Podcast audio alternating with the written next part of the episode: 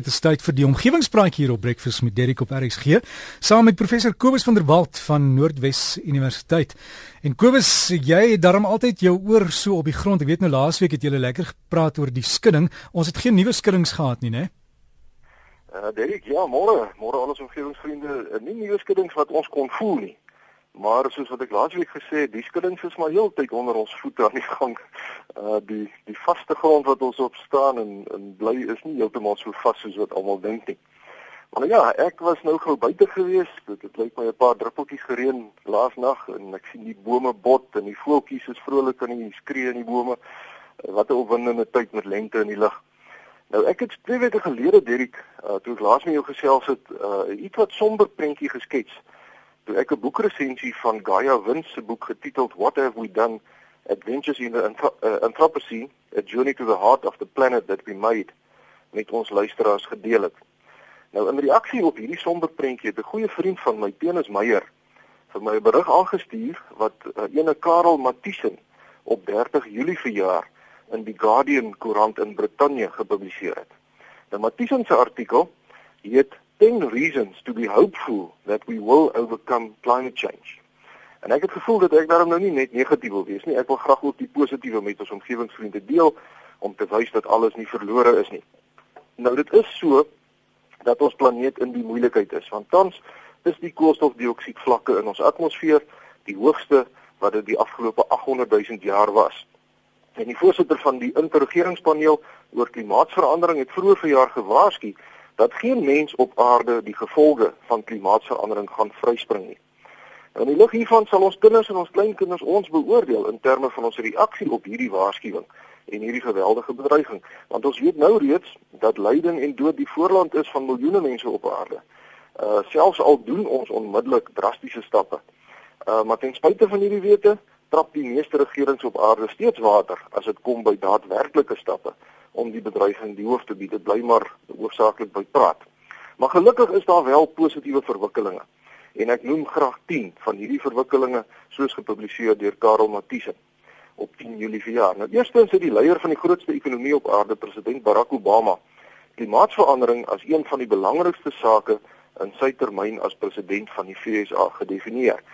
En mense kan nou maar sê wat is een man, maar hy is die magtigste man op aarde. Hy het nie veel daaraan gedoen in sy eerste termyn as president nie, maar hy het onlangs baie definitief standpunt ingeneem toe hy die maksimum gasvrystellings van steenkoolkragstasies in Amerika ingeperk het.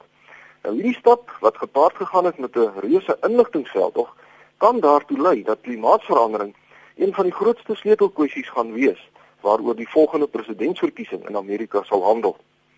Die tweede stukkie goeie nuus is dat China net een dag na Amerika se strenge regulasies met betrekking tot hulle steenkoolkragstasies aan ook aangekondig het dat hulle ook baie strenge regulasies oor die volgende 5 jaar gaan infaseer. Nou China is tans die wêreld se grootste kweekhuisgasvrysteller en dit is reeds baie jare lank die geval dat die lug in groot stede verskriklik vuil is. Ons kan onthou dat kragstasies in nywerhede in Beijing gesluit is uh toe die Olimpiese spele daar aangebied is in 'n poging om die lug 'n bietjie skoner te kry. Nou in reaksie op hierdie ontsettende vuil lug het die Chinese regering aangekondig dat hulle in 12 van hulle 34 provinsies van die ouer vuil steenkoolkragstasies gaan sluit met planne om oor die kort tot medium termyn volledig weg te beweeg van steenkool as energiebron.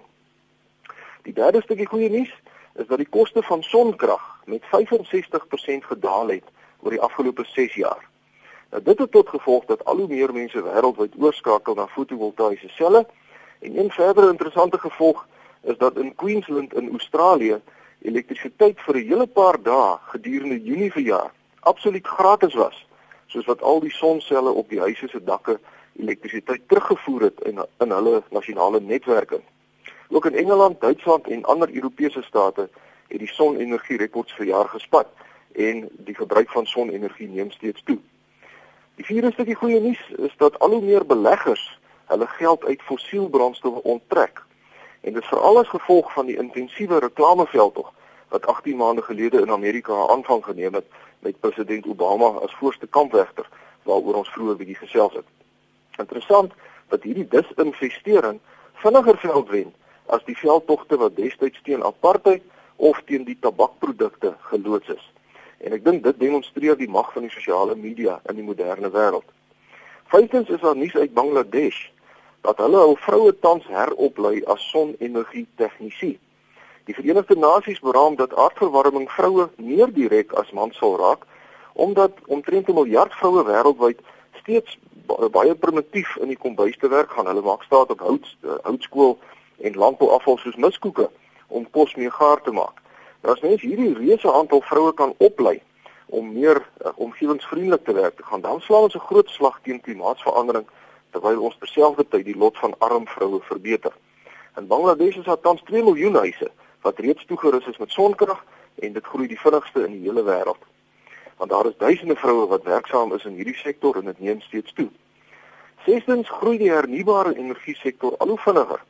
In 2013 het beleggers 5 keer meer geld in die sektor belê as in 2004 en die kapitaalinvloei neem voortdurend voortdurend toe. Dit word beraam dat beleggings in groen energie teen 2030, nou dit is oor 15 jaar van nou af, soveel as 2/3 van alle energiebeleggings kan beloop. En die wêreld werk reeds omtrent 'n kwart van alle elektrisiteit met groen energiebronne op en dit groei vinnig. Die sewende stukkie goeie nuus het te maak met energiebesparings. En ons sien dat 'n tipiese Europese huis vandag 15% minder energie nodig het as 14 jaar gelede. Dit word verkry deur beter boumetodes, veranderinge aan bestaande ou huise om hulle meer energie-effektief te maak en dan ook huishoudelike toestelle so songeisers en yskaste en allerlei goederes wat minder elektrisiteit gebruik. Die VN is ook besig om bouers in lande soos Thailand, Brasilië, Indië en Bangladesh op te lei in groen boutegnieke. In die agste plek sien ons dat dit deesdae goeie besigheid is om jou kweekhuisgasvrystellings te sny. Want in 'n onlangse verslag van die ehm um, WWF uh sê hulle dat 53 van die Amerikaanse Fortune 100 maatskappye hul gasvrylatings met 'n hoeveelheid gesnyheid wat gelykstaande is aan die totale gasvrystelling van Peru. Nou elke miljoen ton gasbesparing het vir die besighede 19 dollar in die sak gebring. Wat beteken dat hierdie 53 maatskappye gesamentlik meer as 'n miljard dollar bespaar het. So kweekhuisgasbeperkings is nie net die regte ding om te doen nie, dit is ook goeie besigheid. In die negende plek is die wêreld se olie besig om op te raak en nuwe oliebronne is al hoe skaarser. Dit raak ook al hoe duurder om in onherbergsame plekke soos die Arktiese sirkel of kilometers diep onder die seevloer te eksploreer en die olie te ontgin. So, en uh soos byvoorbeeld aan die kus van Brasilië is daar wel onlangs groot nuwe olievelde gevind. Maar die goed lê 5 km diep onder die seevloer en die kostes, die tegniese uitdagings en ook die risiko dat iets verkeerd kan loop, soos wat dit in die Golf van Mexiko 'n paar jaar gelede gebeur het, is eenvoudig so groot dat dit nie meer die moeite werd is om hierdie oliebronne te ontgin nie. Nou dit veroorsaak dat selfs die groot oliemaatskappye nou hulle versuur eh, begin stel op die ontwikkeling van groen energiebronne.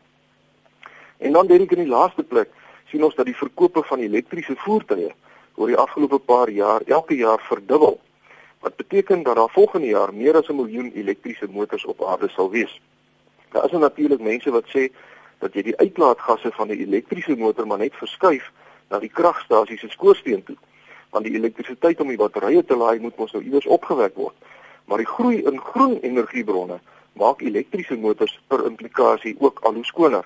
Want as jy groen elektrisiteit gebruik om 'n elektriese motor se batterye te laai, dan besoedel jy natuurlik glad nie die omgewing nie. Nou in Noorwe is deesdae elke 100ste motor 'n elektriese motor. So omgewingsvriende, dan het ek nou nog eers gepraat oor opwindende verwikkelinge in waterstof, brandstofseltegnologie, kunsmatige blare, verbeterde sonselle, beter isoleringsmateriale en nog duisende ander vernuftige tegnologiese ontwikkelinge nie. Maar dit alles gee my baie hoop vir die toekoms van ons nageslagte ten spyte van die dreigende aardverwarmingskrisis wat ons in die gesig staar. Dit daarmee sluit ek af. Skryf gerus vir my by kobus.vanderwalt by nwu.ac.za of by die fakulteit Natuurwetenskappe Noordwes Universiteit Potchefstroom 2520. Vriendelike groete tot 'n volgende keer.